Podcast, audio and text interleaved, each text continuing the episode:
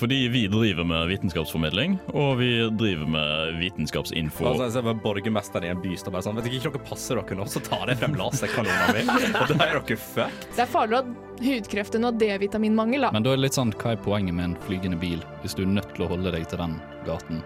Det Jeg gleder meg til å vitenskape med dere. Du hører på Uillustrert vitenskap.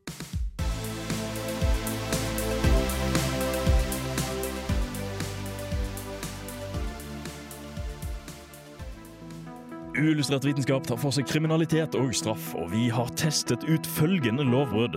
Nei. Nei, nei, nei. Vi skal snakke om annet om det finnes noe som kanskje kan avgjøre om man kommer til å utføre kriminelle handlinger eller ikke. Hvilke psykiske påkjenninger kan man oppleve under isolasjon? Hvordan kriminalomsorgen i Norge er, og forskjell mellom fengsler her i Norge og andre steder. Hallo og velkommen til Uillustrert vitenskap, hvor vi denne uken her skal som sagt snakke om kriminalitet. er du kriminell? Ja da. er det Lars Vaular jeg har borte? ja, ja, ja, ja, ja. Å, fantastisk. Jeg er Martin, og med meg i dag så har jeg Andreas. Hei sann. Jeg har med meg Andreas. Hei, hei. Jeg har med meg Kristine. Hei. Og vi har med en gjest i dag, Vilde. Hallo. Og takk for sist. Og takk for sist. Og takk for sist. Ja, gjest for andre Tredje, i hvert fall fjerde, kanskje. Noe Ja, noe sånt. Ja. Gjenganger her hos oss. Uh, ja. Det var det. Ja. Fordi nå skal vi eh, videre på eh, musikk etter hvert. Mm. Med mindre noen har noe kriminelt de vil si akkurat nå. Er egentlig det vitenskap? Kriminalitet? Ja. Det er jo studie av eh, noe atferd her inne i bildet, så jeg vil jo kanskje si at vi er på vei inn på de myke vitenskapene. Myke vitenskapene tar nå og ride en bølge med hånda. Ja. Og, og eller hard psykologi. Ja, Det er en plass innimellom. En plass midt imellom Jeg tror dere nettopp trigga alle på Dragvoll. Da har vi oppnådd det vi prøvde på, så da er vi klare til å gå Da er videre. vi, da er vi klare til å gå videre til låt. Og eh, den låten vi skal høre nå, den er i hvert fall ikke noe så fengsling og, eh, og kriminalitet er. Den er, heter A Walk in the Park med Tom Hell. Hello, I'm Lynn Rothschild from NASA Ames Research Center, and this is Unillustrated Science. Henda i været, din kjeltring. Du er herved sikta for å tisse utendørs, prøvd ulovlige rusmidler, sykla i fylla og kjørt over fartsgrensa. Alt dette er ulovlig, og selv om du har gjort en eller flere av disse tingene, så ser du nok ikke på deg selv som kriminell likevel. Det skal ofte mer alvorlige ting til, som f.eks. det med mord og stjeling og andre ting som de fleste ser på som galt. Det er mange ting som blir sett på som kriminelt i de fleste kulturer, som f.eks. det med voldtekt, stjeling, mord, mishandling, skattejuks. Ganske vanskelig å argumentere mot at det er galt, uansett hvor i verden du er. Men likevel er mange av lovene våre ulike hvor enn du drar i verden.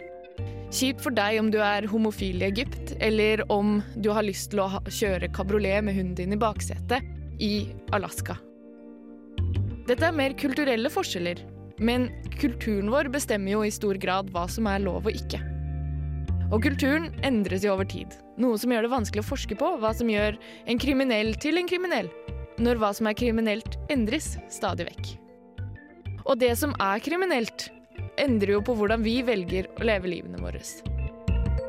Og til slutt i denne spørsmålsstormen, hvorfor blir vi da kriminelle? Er det oppvekst, kultur, holdninger, hvilke venner du har, gener, sykdom, hormoner, eller noe helt, helt annet? Det kan du sitte på cella di og tenke over. Dette er eh, fysiker, programleder eh, og fire ganger norgesmester i morellsteinspytting, Andreas Wahl. Det skjønte du på den introen. Og akkurat nå så lytter du til uillustrert vitenskap. Men det visste du forhåpentligvis. Takk for det, Andreas Wahl. Eh, vi vet ikke om du er kriminell. Det kan jo hende med de, med de reglene vi hørte nå. Det, det er mye du kan bli tatt for her i Spesielt det å kjøre eh, med dyr, jeg tror ikke det bare var hund, det var altså dyr, i baksetet på en åpen bil i Alaska. Ja. Eh, dette var ikke en veldig eh, pålitelig kilde, men altså et sted må de ha funnet det. Jeg liker jo også at det er så veldig spesifikt, for det, er jo, det, det får deg jo til å stille spørsmålet hvordan har dere kommet frem til det her? Hunden kan falle ut! Altså, det er jo alltid en grunn til at du har en lov. Eh, og den grunnen er ofte basert på det, eh, det vi har av kultur, da. Ja, Uh, men litt til det med USA og uh, alle sånne spesifikke greiene. Det er jo, må jo alltid være én idiot i bygda som har gjort dette, som ja. bare har sørget for det. Altså Det er en grunn til at det på noen flyplasser faktisk står at de bannlyser flammekastere. Noen har tatt med seg en flammekaster, og de har måttet si nei. Jo, men altså, Dette skader jo andre mennesker. Dette er noe som kan skade mennesker eller dyr. Derfor har det blitt en lov, derfor er det ikke lov. Eh, og Det er kanskje et sånn moralsk kompass vi har inni oss, og så er det noen som har sittet og lurt på det. Har vi det? Har vi et moralsk kompass innebygd som vi ikke har lært oss fra før av? Er du født med et moralsk kompass? Og det, det, akkurat de sånne tingene der er ekstremt vanskelig å svare på. Fordi Vi nevnte litt introvis at uh, det er litt myk eh, vitenskap og en blanding av hard psykologi. Og det er så latterlig mange faktorer. Uh, Og der kommer du med alle disse Ja, men det er så Det mange er så faktorer. mange faktorer. Men det kan du faktisk det kan vi gå litt dypere i, tenker jeg. Ja. Eh, fordi at det er mange faktorer, ja. Eh, en nyfødt baby har ikke evnen til å tenke logisk. Men de er født med evnen til å, til å tenke logisk, på en måte. Men når du fødes, så har du ikke den evnen ennå, fordi det, tar en, det er en prosess da, å, å lære seg å tenke. Når du fødes, er du ikke ferdig. Jeg føler at det her også går på veldig mange måter på utover Eller det går ut på empati. Det å skjønne at dine handlinger har konsekvenser, ikke bare for deg, men for andre mennesker. Eh, Jeg jobber i barnehage. Ja. Og Der må vi lære barna å være empatiske. Vi må lære dem at hvis du slår, selv om du blir veldig sint, og du slår, så får den andre personen vondt, og da blir de veldig sint. For det første så er det jo dårlig gjort overfor de andre, men du kan jo til og med få deg en på tugga sjøl. Ja. Og dette her må treåringene lære seg, for de kan det ikke fra før av. Ja, og det er liksom sånn de, eh, Når du er liten nok, så har du på en måte ikke den evnen til å forstå, men du utvikler på en måte evnen til å forstå etter hvert. Så, eh, og det er også sånn, Du kan be en syvåring om å gjøre kompleks logikk, men de forstår det ikke egentlig. Men de, har, de kommer til å få evnen, og de er født med at de kommer til å få evnen. Det, men det gjør det veldig vanskelig eh, å skille mellom det å være utviklet sånn, og det at du lærer det, fordi at det, du har på en måte evnen til å lære det, men den kommer samtidig som noen prøver hardt å lære deg det. Eh, Men så er det jo viktig også å huske på at det finnes mennesker der ute som f.eks. er på et, eh, det vi kaller spekteret, altså autismespekteret, Ja. og kanskje har problemer med å tilegne seg disse kunnskapene da, med hvordan å føle empati, eller hvordan vise at du bryr deg eh, om andre, og hva tenker den andre personen når jeg gjør sånn.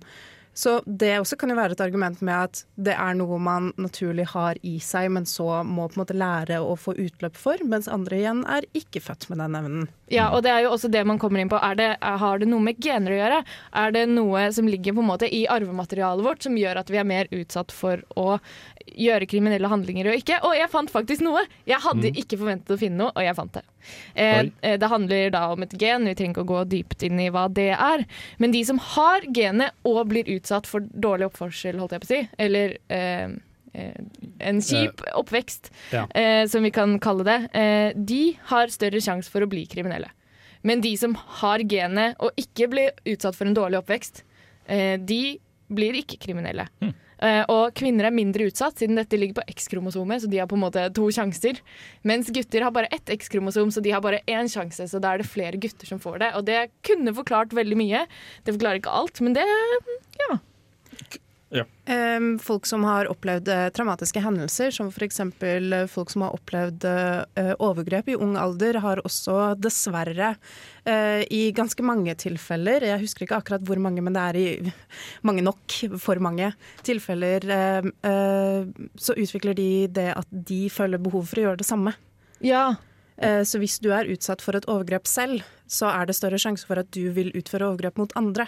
Og, og der kan det ligge to ting. F.eks.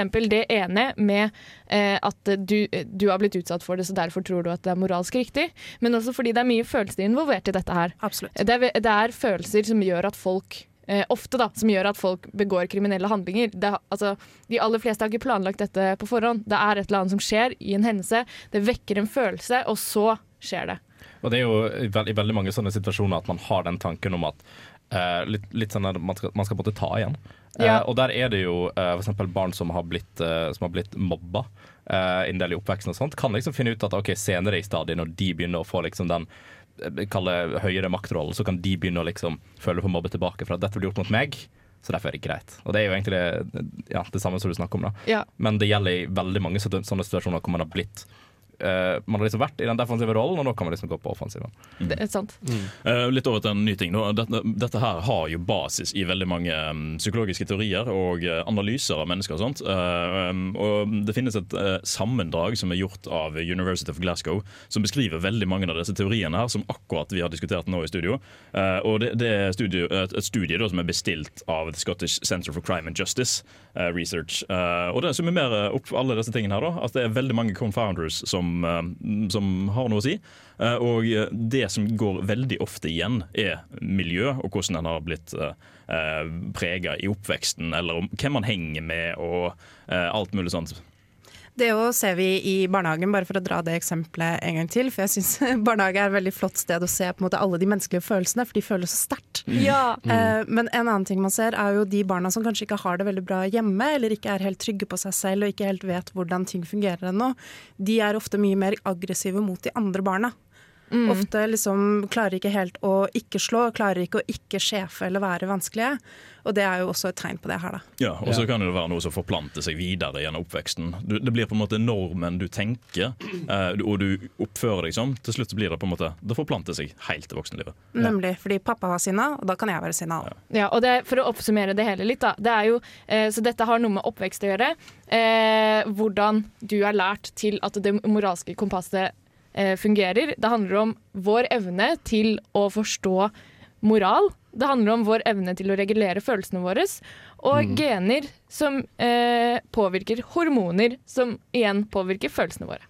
Kan vi peke på én ting som gjør at en person blir kriminell eller ikke? Nei, Nei. fordi det handler om at det må treffe alle. Ja. Det må treffe alle disse tingene for at du skal utvikle muligheten til å bli kriminell, hvis du da eh, skjer noe med deg som ja. vekker følelsene dine. Ja. Rett og slett. Så vi er ikke her for å påpeke at Nei. det er noe som gjør det. Nei, i gamle dager så prøvde de vel å måle hodeomkrets og sånne ting for å Uh, koke det ned til det. Men det, det gikk jo ikke så veldig bra.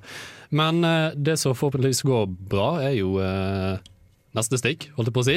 Uh, men før det skal vi ha musikk, og vi skal høre 'Reveal the Method' av Kefeider. Kefeider?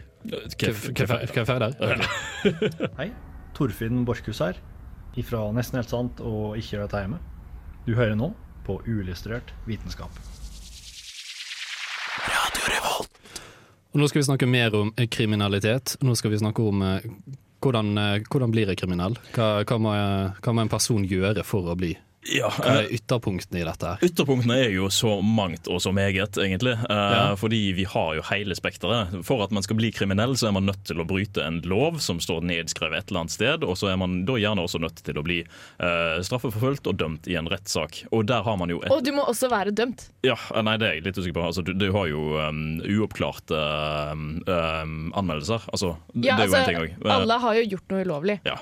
Men så er det liksom sånn, må du faktisk være dømt for, altså, for å telle du har jo det eh, altså, uskyldig inntil det motsatte bevist. Ja, ja, sånn, så altså, kan ikke, jeg kan ikke si at du er en kriminell fordi du har brutt en lov, men i prinsipp så har du jo For det er ingen som har eh, bevist at vi har gjort det. Nei, sant. Det har bare skjedd, og så er det ingen som har bevist det. Bortsett fra når dere innrømmet det på, uh, Men uh, som sagt, et ekstremt stort spekter i dette her, og det finnes veldig store statistikker uh, på det. Ja. Altså, litt det jeg tenker på, er jo det um, altså det er faktisk spekteret når du har blitt dømt for noe. For Folk mm. kan jo bli dømt for ting som er veldig veldig store, som f.eks. massemord. Uh, men det kan også være folk som blir dømt for mindre ting, som f.eks. Altså lett, lett beslag av penger eller ting sånn som det. Jaywalking eller Jaywalking, ja, altså, uansett, ja. Hva er det? Gå uh, over veien uten fortau. Ja. Det er forbudt i California. Oh, ja. mm. Men uansett så vil jo begge disse her to teknisk sett begge bli klassifisert som kriminelle, har brutt loven uh, du er et dårlig menneske, uh, forsvinn. Uh, men det, det, det, er jo det er jo ikke riktig på en måte begge to. Det burde være litt på sånn lettere ord, så det ikke høres så ille ut. Du er en uh, myk kriminell, og du er en hard kriminell. Pseudokriminell. Ja. Det. Uh, ja, det er, helt sant et ekstremt stort spekter på det, så dette, og det er vanskelig å definere. Men vi skal likevel putte alle sammen i én bås, fordi det er hey. gøy.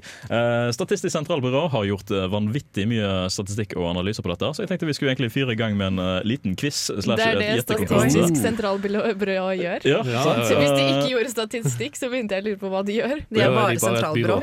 Ja. Ingen har lyst på det.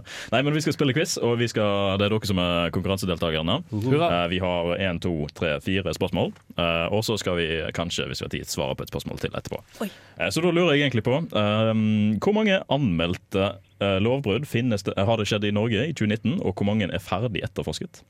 Oi, eh, det er vanskelig. Setter vi det på altså ferdig etterforska, er på prosentbasis? Nei, antall. Okay. Ja, det var veldig vanskelig. Så- um, Eh, altså, en, en Gjenta spørsmålet. hva var det? Først så var det Hvor mange anmeldte lovbrudd har skjedd i 2019? I 2019 har det skjedd eh, 520 anmeldte lovbrudd, og 300 av de har ikke blitt opplørt. Ja. Eh, jeg tipper eh, 15 000. Mhm. 15 000, det var mange. Jeg Eh, tror, og av de så er eh, halvparten oppklart. ja, Kristina? jeg, tror, eh, jeg tror ikke det er så mange, jeg tror det er mer sånn 2000.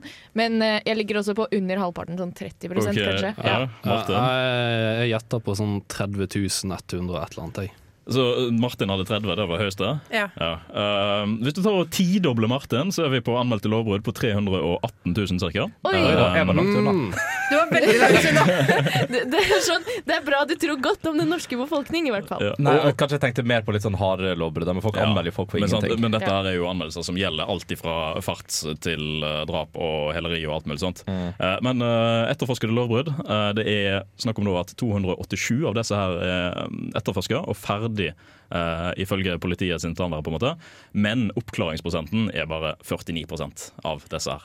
Fordi det er mange som blir henlagt pga. manglende bevis, manglende gjerningsmenn og hele den pakka der. Ja, ok, så, du, så det teller som løst når de har vært sånn OK, her kan vi ikke bevise kom, noe. vi kommer ikke noen Vi vei. Vi må, hen, vei. vi må henlegge saken, rett og Ja. slett. Mm.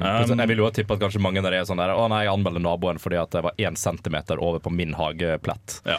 Uh, og så Ja. politiet bare stopp. Det var litt morsom statistikk der på menn over 60 år, så var deres kriminalandel var uh, ordensforstyrrelse. Ja, Eh, der har vi det. Oi, oi, oi, sant, ja. så Men den over 60 år? Ja. Ja, altså okay. ungene med skateboard eh, Og jukeboksene. Ja. Dunk-dunk-musikken. Men eh, spørsmål nummer to, vi må jo gjennom disse òg. Um, det var egentlig opplagingsprosenten, så ga dere en gratis der. Men okay. topp tre fylker innenfor anmeldte lovbrudd, vil jeg vite. Fylker. Ja. Og eh, Østfold de var jo nettopp på eh, høyest på sykdomsstatistikken. Jeg tror at eh, sykdom og kriminalitet henger litt sammen, så derfor ja. henger jeg på Østfold. er en av de. Eh, jeg syner Kristine, som jo faktisk er fra Østfold. Jeg kommer fra Vestfold, og vi kan også bølle. Så jeg sier at Vestfold også er på den lista der. Ja. Og bare fordi jeg vet at bergensere er ikke alltid Altså ikke i dette tilfellet, Martin, men i mange tilfeller ikke har dette med å gjøre. Men så er ikke Bergen et fylke, da? Nei, men Hordaland. Ok. Ok, Så du, Hordaland Martin, har du et eh, forslag til dette?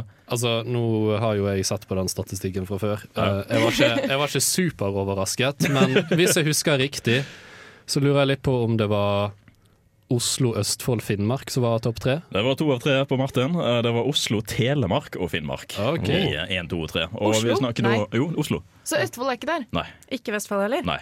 Vi må steppe opp gamet. Vi må ta grep. Eh, Oslo ligger på 94 anmeldte lovbrudd per 1000 mennesker, eh, mens Telemark ligger på 64 og Finnmark på 62 per, Per 1000. 1000. Ja, så det, det påvirkes jo da ikke av antall mennesker. Nei. Det Det lurt. det ikke. Ja. Um, spørsmål hvem ligger minst? Oh. Jeg, tipper, jeg, tipper, vet du, jeg tipper folk langs Helgelandskysten er ganske snille med hverandre. Jeg tipper? Nordland har minst. Ja. Uh, jeg tenker at uh, nede på Sørlandet så Ja. er de så glade i hverandre. Det var dårlig dialekt. jeg er ganske imponert. Jeg er ganske imponert.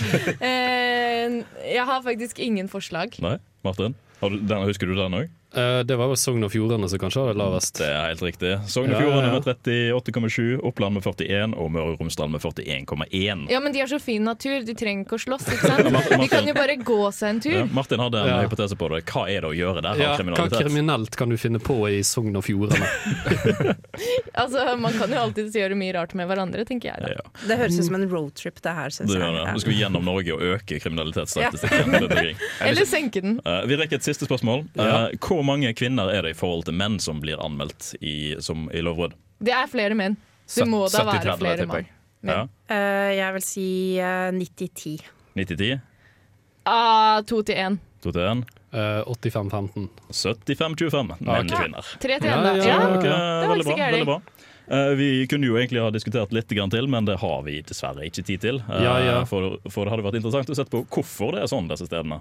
Det hadde det. Det hadde det vært veldig interessant. Men nå som Vet har vi det? Nei, man kan Ah. synse. Man Ah. kan synse litt. synse litt. Men nå som vi har snakket så mye om kriminalitet, så er det vel kanskje på tide at vi omskoleres litt. Vi må rehabiliteres, men det blir etter eh, at vi har hørt en låt, og vi skal høre 'Success' med Slutface. Fornybart. Jeg vil ha enda mer! Ren energi. Det må jeg si var helt OK. Karbonnøytral produksjon. Parisavtalen. Fantastikk! Bærekraftig utvikling. Å, det er akkurat det jeg vil ha! Resirkulering. Ja! Du hører på Uillustrert vitenskap på radio Revolt. Men nå skal vi høre om et annet type miljø, litt mer eh, miljø i fengsel. Hvordan foregår det i fengsel? Hva skjer, Vilde? Eh, jo, for jeg har jo gjort eh, litt grann, eh, research på det. Jeg har vært masse i fengsel. Nei, jeg har ikke det. ja. Eh, jeg har for det første sett eh, alle sesongene av Orange is the New Black. Ah, Det er Eh, god det er veldig forberedelse. god At du gadd. Eh, også, Det kan vi diskutere etterpå, Andres. Og så har jeg lest eh, de siste dagene så har jeg lest ganske mye på kriminalomsorg.no, som jeg jo føler kanskje er en litt bedre Ja. kilde for det her, da. Ja, det hørtes bedre ut. Eh, For det som er greia med fengsel, og da særlig i Norge, vi forholder oss til de norske fengslene akkurat eh, nå, så er det det at eh, den straffen det skal kun være frihetsberøvelse. Det skal ikke være noe fratagelse av andre menneskerettigheter eller andre rettigheter vi har i Norge. Eh, og det er jo ganske bra. Vi er ganske flinke på det. Det er mer snakk om å rehabilitere, gjøre dem klare igjen, passe på at de forblir ute. Mottoet til kriminalomsorgen i Norge, er noen som har lyst til å gjette hva det er? Eh, det må jo handle noe om å må få, eh, få folk til å slutte å være kriminelle. Ja, det er bedre ut enn inn. ja, det, Så jeg syns det er ganske flott, eh, faktisk. Det, Det syns jeg var veldig fint. ja. ja, jeg lurer på om det har vært det siden 1800-tallet, eller det var, det var et ganske gammelt eh, slagord. Eh, veldig, veldig flott med det. Tidløst. ja. Nei, jeg skulle si noe, så glemte jeg hva det var. Ah, typisk. typisk. Eh, da kan jeg for så vidt snakke litt grann mer om fengsel. For i Norge så har vi jo flere forskjellige måter å sone en straff på.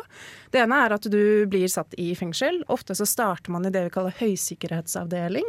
Altså at det er høye vegger, og du har liksom en celle, og det er sånn som du ser for deg et fengsel er. Og så har vi lavsikkerhetsfengsel etterpå. Ja. Så du Eh, starter alltid i den høyeste. Ja. Eh, eller jeg vil jo tro at det kommer litt an på hva du har gjort. Ja, Eh, Men eh, hvis du først blir satt i fengsel, så er det nok høy sikkerhet, ja.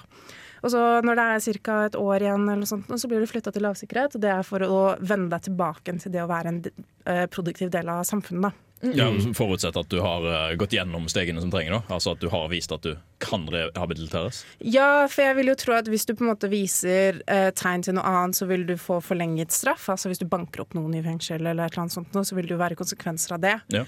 Men så lenge du har gjort det du skal, så kommer du på lavsikkerhet eh, det siste året. Da. Jeg syns det er veldig fascinerende at eh, når du kommer i fengsel, så skal du jo straffes for å ha gjort noe galt. Men straffen er sånn Vi tar fra deg friheten din. Og det var, det, det var straffen, liksom. Det, er sånn, Ja. det var ikke skammekroken, eller det er jo litt skammekroken, men det er sånn Vi, vi tar friheten din, og det er straffen. Det er straffen. Det var, jeg syns det var fascinerende. Jeg har ikke tenkt på det sånn før. Vi, altså, vi, vi kommer inn på det der med altså, eh, psykologien og sånt inn i det litt senere. Uh, men jeg lurer på, i Norge så får du jo òg ganske, ganske tidlig tilbud om f.eks. psykolog eller noen å prate med. og sånt. Og det er jo veldig annerledes i forhold til f.eks. USA. Ja, for eksempel i USA så er det litt den der mentaliteten med at hvis du har gjort noe som gjør at du fortjener å komme i fengsel For det er jo forskjell på jail og prison, og det er jo det vi i Norge ville kalt varetekt og fengsel, tror jeg det blir. Eh, tanken i USA da er jo at det her- har du fortjent, så fuck deg.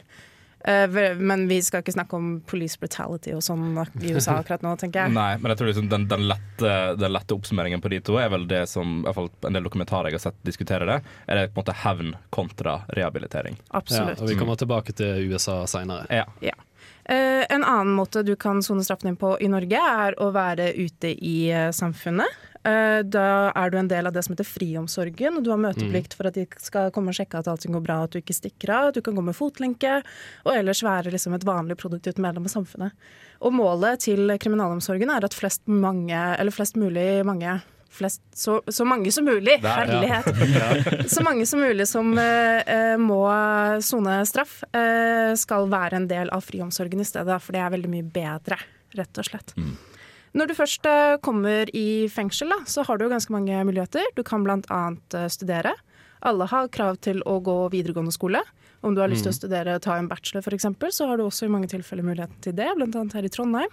Ja, for det var, det var, jo en artikkel her i Underdusken for to-tre år siden, 2016 ja. kanskje, som kanskje du skulle komme inn på nå? Ja, ja. Eh, for der eh, har de da tatt et intervju med studenten an anførselstegn Philip. Mm. Anførselstegn slutt. Som tar en bachelor i økonomi og administrasjon på NTNU. Og han gjør det fra fengsel. da.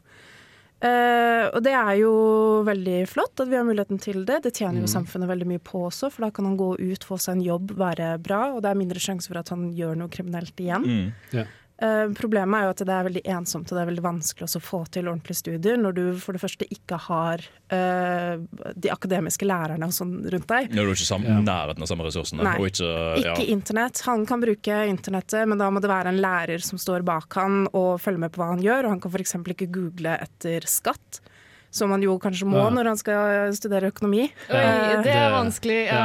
ja altså, det er ikke fordi alle eh, innsatte ikke kan søke etter skatte, fordi han har gjort noe straffbart som ikke kan Nei, jeg tror alle. Oh, det gjelder alle. Så det er, det er litt eh, grann eh, vanskelig sånn egentlig. Ja. Men det virker jo altså, Det virker kanskje rart, men det er jo også eh, det med den holdningen med at uansett Altså Uansett hva man tenker at folk fortjener eller ei, eller den tankegangen der, så er det sånn OK, men dette er mennesker eh, som en dag skal tilbake igjen i samfunnet. Det mm. er et fakta vi ikke kan gå bort fra. Eh, vi må hjelpe dem sånn at de ikke gjør kriminelle handlinger igjen. Mm. Uansett hva de har gjort før, da, fordi at mm. det tjener på en måte samfunnet. Ja, og det er jo også eh, det som er hovedfokuset til kriminalomsorgen, er gjøre dem eh, til gode, ordentlige, produktive medlemmer. Det kan du gjøre via frivillighet. De har f.eks.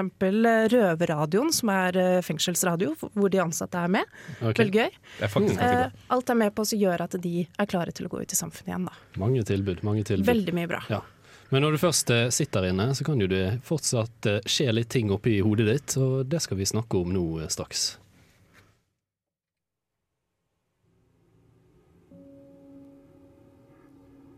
Se for deg denne situasjonen. Du har havna i fengsel pga. noe du egentlig ikke har gjort. Og du føler deg urettferdig behandla. Du prøver å fortelle folk rundt deg at du hører ikke hjemme her, og pga. uro blir du kasta på glattcelle. Isolert. Og du vet ikke hvor lenge du blir sittende der.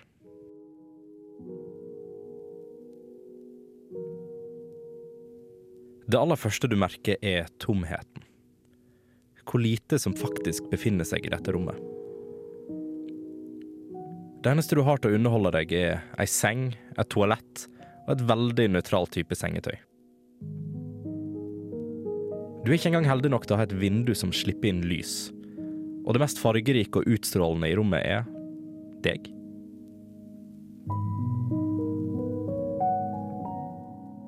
Du bruker den aller første tiden til å tenke. Og du innser nå hvor stille det er rundt deg, og hvor mye støy som egentlig kommer fra hjernen din. Akkurat nå er du helt aleine med tankene dine. Tida går, og du ender opp med å bli trøtt og legge deg til å sove.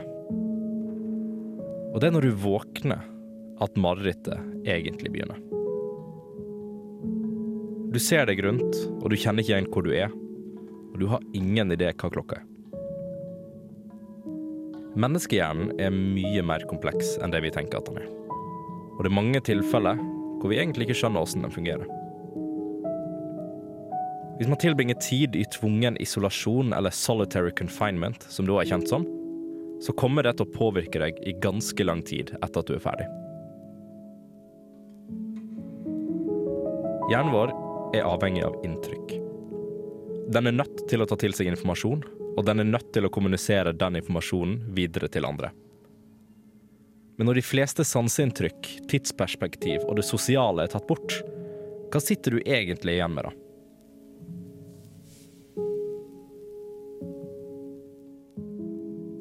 Svaret er stress. Massivt psykologisk stress.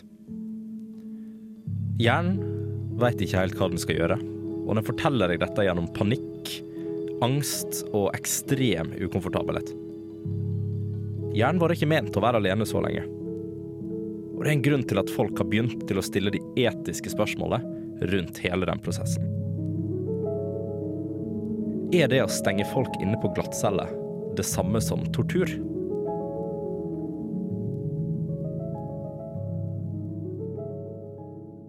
Hi, this is Grant Sanderson from the YouTube channel 3 Blue 1 Brown, and you're listening to Unillustrated Science. Ja, for Det har jo vært et spørsmål i det siste, det med isolasjon. Fordi at det er jo den når du blir fullstendig frarøvet alle, skal vi si, all stimuli. Mm. Så kan det begynne å skje ting oppi hodet. Det kan være skadelig til og med, kan det ikke? Jo, det kan være veldig skadelig. Uh, og det er jo, jeg håper forresten dere var klar for det massive toneskiftet uh, sånn Ja, uh, plutselig. Eh, men for veldig mange så er det Så skjer de effektene veldig fort. Eh, og det er ikke lenge man på en måte trenger å være i liksom et helt inntrykksløst rom eh, før man begynner å bli litt hva man skal si, koko. Um, og, men altså, solitary confinement har jo vært en, så, en, en ting så lenge. Uh, og det er veldig rar, Det er, en, det er en sånn ting som du på en måte vet at ok, det starta å bli praktisert av litt rare grunner, uh, Mm. men det gjør det fortsatt i dag. Uh, fordi hele grunnen til at de starta solitary confinement, var Ja. under en, en modell som het isolation and seclusion, eh, som starta på en eller et sted rundt 1700-1800-tallet. Ja. Um, hvor målet med denne modellen var at du skulle uh, tenke over hva du hadde gjort, og oppnå et bedre forhold med Gud. Ja. ja. for du skal sitte der inne og så skal du få et bedre forhold til Gud og tenke over. Ja. Altså, hvis du sitter alene eh, i et rom og ikke ser noe, så kan det hende eh, tankene dine begynner å oppdikte ting du ser. Så kanskje noen faktisk har sett Gud, da. Tror, Eh, tror at de har sett det. t- tror at de. Hallusinert. Ja, sånn som det også heter på fint. Mm. Uh, og det, ja, det var jo ikke uvanlig, for at det er en veldig vanlig effekt av det av å være alene. At du, blir, eh, du, du får den der uh, mister litt grepet på virkeligheten, da. Mm. For at du har ikke noe til å minne deg på at virkeligheten er der. Eh, og spesielt eh, mange steder i USA så er det jo eh, nettopp sånn som jeg beskrev i saken, da, at det er Helst vindusløse rom. Uh, det skal være så enkelt som mulig. Uh, selvfølgelig, selvfølgelig for å spare penger, men også for liksom at det skal føles som en straff. da Eh, og det er jo det som gjør det mest problematiske. Hvis du har et vindu, det kommer lys inn, og du vet liksom at når det er morgen og kveld, så gjør det opplevelsen 10-20 ganger bedre. Det er jo det motsatte av det de gjør når du skal behandle psykiske lidelser. Da hjelper du jo folk å liksom eh, kjøre vanlig døgnrytme, Mm. mens her så bare tar du fra dem døgnrytmen. Det er jo sånn, hvordan, hvordan bli psykisk syk 101? Ja. Ingen, ingen eh, døgnrytmestimuli. Men hvordan brukes det i dag? Fordi at i dag så er de vel flere på én celle. Så isolasjon, hva, hvorfor har de det? Um, altså det blir fortsatt uh, altså USA er jo Jeg kommer til å ta sammenligninger med USA ganske mye, for at det er de som har mest historie på det. Uh, det blir brukt uh, den dag i dag der de sitter alene, fortsatt. Ja.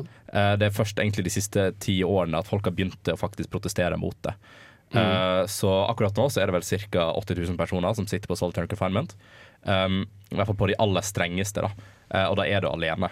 Det er mange mennesker. Ja, uh, og noe du kan òg gjøre på i, i eh, USA som regel. Det varierer litt fra stat til stat, selvfølgelig, Ja. men i gjennomsnitt så er det kan du sette en minimumskrav på 15 dager i Å, fy søren! Ja, det er ganske Det lenge. er mye. Men er det da for, som en sånn eh, du har gjort noe eh, fælt, du fortjener å være alene? Eller er det mer den derre eh, du er en fare for omgivelsene dine? Det er vel litt begge deler, kanskje? Det er vel også noen som eh, blir kasta på solitary fordi de vil beskytte dem mot de andre. Ja, at Mm. det er liksom Du er aggressiv, farlig, du slår de rundt deg, og så Ja, men ikke nødvendigvis bare det, men hvis du har blitt uh, banka opp, eller det er en gjeng som er ute etter deg, da skal du bli satt på eh, isolert for å skjermes. Mm. Ja, sånn at de ikke skal komme og banke deg opp. Nemlig. Ja. Og det er jo det motsatte av uh, OK. Nei, det, ja, det høres ikke Det høres ut som du blir dobbeltstraffa fordi noen banka deg opp. Basically. Og, og veldig mange tilfeller, eller veldig mange steder så har du ikke de prosessene for å f.eks. beskytte folk da, eh, så bra innført. Så det blir jo det at ja, ok, det er eneste, eneste løsningen vi har å slenge dem på eh, solitary confinement. Ja. Uh, men fordelen med det er jo, og der er det fordel i ekstreme hermetegn, Okay. fordi um, fordelen var at når det ble innført, så ble det innført som et alternativ til dødsstraff. Ja, OK. Sånn at i Ah. stedet for at du Ja. skulle for eksempel henges eller sette inn elektriske stol og ting sånn som det, så kunne du heller få lov å sitte og tenke på hva du har gjort et par måneder. Ja, litt, litt rolig psykologisk tortur i et par måneder. Ja, og da kommer jo spørsmålet om er det Altså det er veldig dypt etisk spørsmål, men hva er det riktige i den situasjonen der? Og, og, og om du skal drepe noen eller eh, sette dem alene på glattcelle. Mm. Eh, har vi ikke egentlig kommet til det stadiet der vi kan si at ingen av delene er riktig å gjøre? Det er helt riktig eh, å si det, at det ikke er riktig. Og vi kommer tilbake tilbake til det nå straks, når vi skal snakke om eh, USA og eh, blant annet dødsstraff. Sammenligne USA med Norge. Se hva som faktisk er de store forskjellene. Mm. Skal vi gjøre det nå? Ja, vi Ja, tar og gjør det nå, vi. Ja, vi gjør det nå. Fengsel er ikke bare fengsel. Det har litt å si hvor du har blitt satt i fengsel. Men hvis vi holder oss til den vestlige verden, så er det to land som er veldig interessante å sammenligne når det gjelder fengsling og straff. Det ene landet er vårt kjære Norge. Og det andre landet er våre allierte på den andre siden av Atlanteren, USA. Vi har mye til felles. Demokrati, frihet, grunnlov og en fascinasjon for rednecks på TV. Likevel er det få temaer hvor kontrastene er så store mellom Norge og USA som når det kommer til fengsling og straff. Det er selvfølgelig noen ting vi må ta hensyn til når vi sammenligner de to. USA er et større og mye mer variert land enn Norge. Det er også store forskjeller mellom statene i USA, så noen vil ligne mer på Norge enn andre, men kanskje ikke så mye. Det er heller ikke konsensus i USA om deres metoder er de beste for å forhindre kriminalitet, og for å forhindre at folk eh, fortsetter å være kriminelle etter sonet straff. Så da sitter vi med noen spørsmål. Hva er de store forskjellene på fengsling i de forskjellige landene? Og hvorfor er de der? Og kan man måle hvilken metode som er best? Og er norske fengsler virkelig så gode som vi skal ha det til?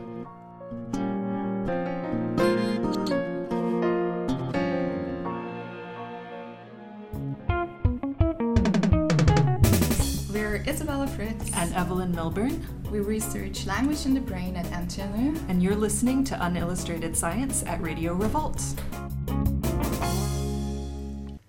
Passende med engelsk, for nå skal vi over til USA. Og USA er litt spesielt når det kommer til fengsel, fordi så på samme måte som oss, så er jo de et eh, vestlig land. Men likevel så har de en god del flere, skal vi si større andel av befolkningen sin i fengsel enn det vi har. Eh, hvis vi har noen tall her, USA er sånn ca. 5% av verdens befolkning, så det er jo et stort land. Men de har en fjerdedel av verdens fanger. Det er, Det er sjukt. drøyt Det til å være et uh, ledende industriland. Har de bare sine egne fanger, eller har de fanger fra andre land òg? Det er jeg litt usikker på. Det kan han ha fra andre land òg. Fra de naboland og- importerer jo farlige sla slaver, ja.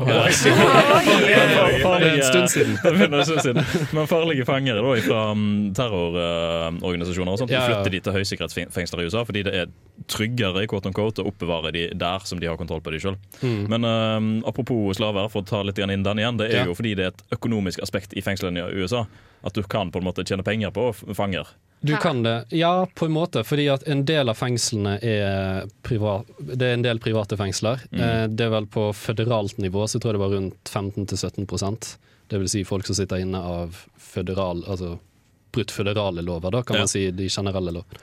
Eh, Og på statlig så er det litt under 10% som sitter i private fengsler. Og det har jo vært litt spørsmål om det her er noe vil private fengsler prøve å holde igjen fanger, sånn at de kan tjene mer penger? For de får jo penger for å ha fanger i fengsel. si. Eh, altså svaret, svaret på det er ja, det gjør de. Eh, Ja. eh, det andre eh, på det, bare for, eh, i forhold til det jeg pratet litt om i stad, Ja. er det at faktisk så tjener enkelte av de private fengslene mer på å ha folk i solitary confinement. Det gir, såpass, ja. ja, det gir bedre økonomisk vekst. Nei! Jo, for at det er en større sjanse for at de blir, eh, de blir måtte, inspirert til å fortsette å bli der, da, og ikke bli ja. Brutalt! Og det, det er en ganske ny greie, for det har begynt på 80-tallet. Da begynte de med private fengsler, og det var etter den The War on Drugs. Mm. Det var vel, og da økte jo òg antallet folk som ble fe- fengslet kraftig. fordi at hvis du sammenligner med sånn Tyskland for eksempel, så sitter vel 85 av 100 000 i fengsel. I USA så er det nærmere 500. Mm. Og USA lå nærmere tysk nivå, kan man si, på 80-tallet. Men så økte det veldig under den war on drugs. Det var lettere å havne i fengsel, rett og slett. Mm. Ja, for da kunne man havne i fengsel for possession av litt grann, uh, weed. Ja, så så det, var, det. så det var flere som ble arrestert for eh, skal vi si, flere forbrytelser, og de ble dømt til lengre straffer. Mm. Det er jo også et eh, ganske godt eksempel på forskjellen mellom eh, USA og Norge. For i Norge har vi jo avkriminalisert uh, f.eks. Uh, marihuanabesettelse. Ja. Um, noe som gjør at eh, du kommer ikke i fengsel hvis du blir tatt med litt uh, hasj på deg. Du vil heller få hjelp, da. Ja. Så igjen, masse fokus på rehabilitering. Det har de ikke i USA. Og det har faktisk vist seg, eh, og, eh, og jeg skal bare fact-droppe Det har vist seg å gjøre at folk eh, har mindre sjanse for å komme tilbake igjen i fengsel. For den, den eh, statistikken eh, på hvor mange som kommer tilbake igjen til fengsel etter å ha vært der første gang, den er veldig høy i USA.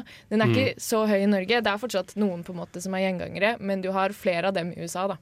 Ja, I USA kommer rundt halvparten tilbake til fengsel. Halvparten! Oi, Ja. det var mye høyere enn jeg trodde. Men, det er eh, ganske ja. mange. 52 visstnok. Så eh, Og en del av det ligger jo i skal vi si eh, Jeg leste òg f.eks. at eh, det å ha strengere straffer gjør nødvendigvis Altså det setter ikke ned kriminalitetsraten. Det har ikke den avskrekkende effekten. Og det samme gjelder dødsstraff. Eh, de, de statene med dødsstraff, eller de som henretter flest, er òg de som har høyest drapsrate.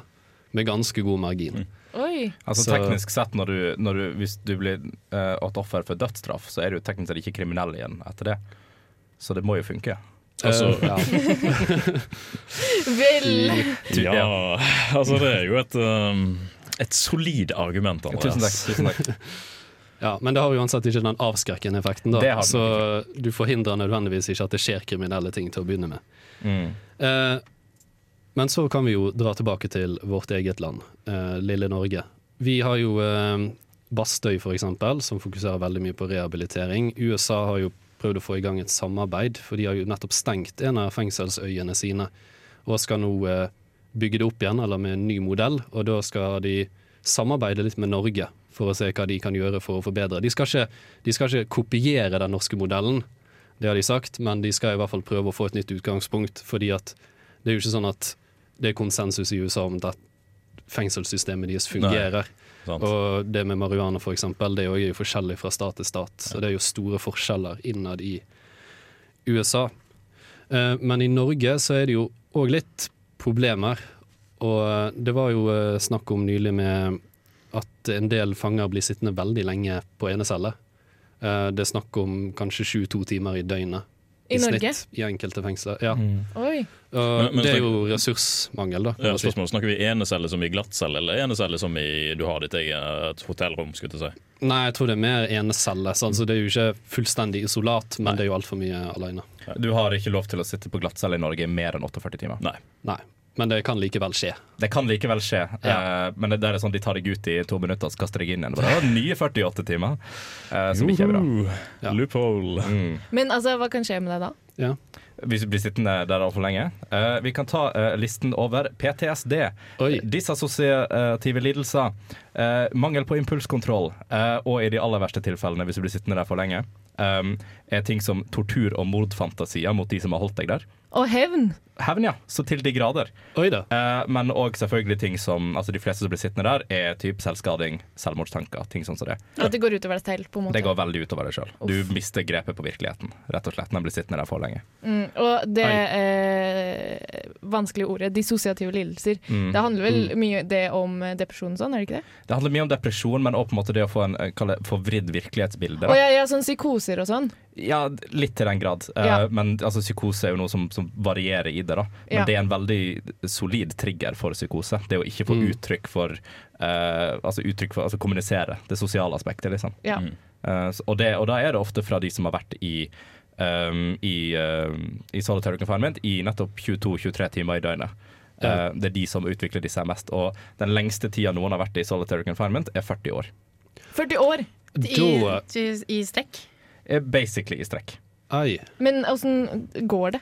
Um, altså det er jo selvfølgelig altså Det er kanskje med sånn et par måneder borte innimellom, men mer eller mindre 40 år i strekk. Det er, det er rekorden. Um, Det er ikke en rekord du har lyst til å holde. det er ikke en rekord du har lyst til å holde. Det Men de har jo testa litt den personen her eh, sånn, sånn, sånn langs, eh, og da har det jo vist sånn at med en gang eh, folk som har vært i altså 10-20-30 år sånt i det, det sånn, de, de har mista egentlig all form for navigeringsevne. Du, de prøvde å navigere det gjennom Eller si et sted i byen de skulle gå i etterkant. Dette var jo en studie, da, selvfølgelig. Ja. Um, men de, de klarte ikke å navigere seg dit, for at de, de, de klarte ikke se De, de mista object permanence, for eksempel. Um, Og det er en sånn ting som gjør at du, uh, du uh, husker uh, Hvis jeg tar eh, en ting som du vet eksisterer og legger det et sted hvor du ikke ser det, så tenker du ikke Da mister du evnen til å skjønne at den tingen eksisterer. Det er sånn babyer har. Ja. Eh, de har ikke evnen til å skjønne at en ting faktisk eksisterer, når de ikke ser at det eksisterer. Mm. Og mister det i voksen alder er ikke helt bra. Så generelt veldig store problemer med å komme tilbake effektivt i samfunnet etter å ha vært utsatt for noe sånt. Da. Oi! Som er grunnen til at det er tortur i mine øyne. Ja, fordi jeg har hørt at, som er kanskje ikke den beste måten å si at jeg er god på kildekritikk på, eh, men at etter tre døgn så kan man faktisk utvikle hjerneskade. Å ja, ja. Permanent hjerneskade. Hvordan Permanent hjerneskade? hjerneskade. Eller sånn, Så- typ sånn krymper hjernen din. Eh, altså Hvis en skal inn på det spesifikke på det, så er det sånn at typ, du har noen eh, nøytroner i hjernen så du mister en eller annen prosentandel på veldig fort. Oi. På grunn av at de får ikke god nok stimuli. Jeg, jeg kan ikke si det Ja, det er vel rett og slett mangelen på stimuli. Du får ikke Mm. brukt hjernen din. Du mister nerveceller. Ja, rett og Det er faktisk det sykeste. Det er litt skummelt.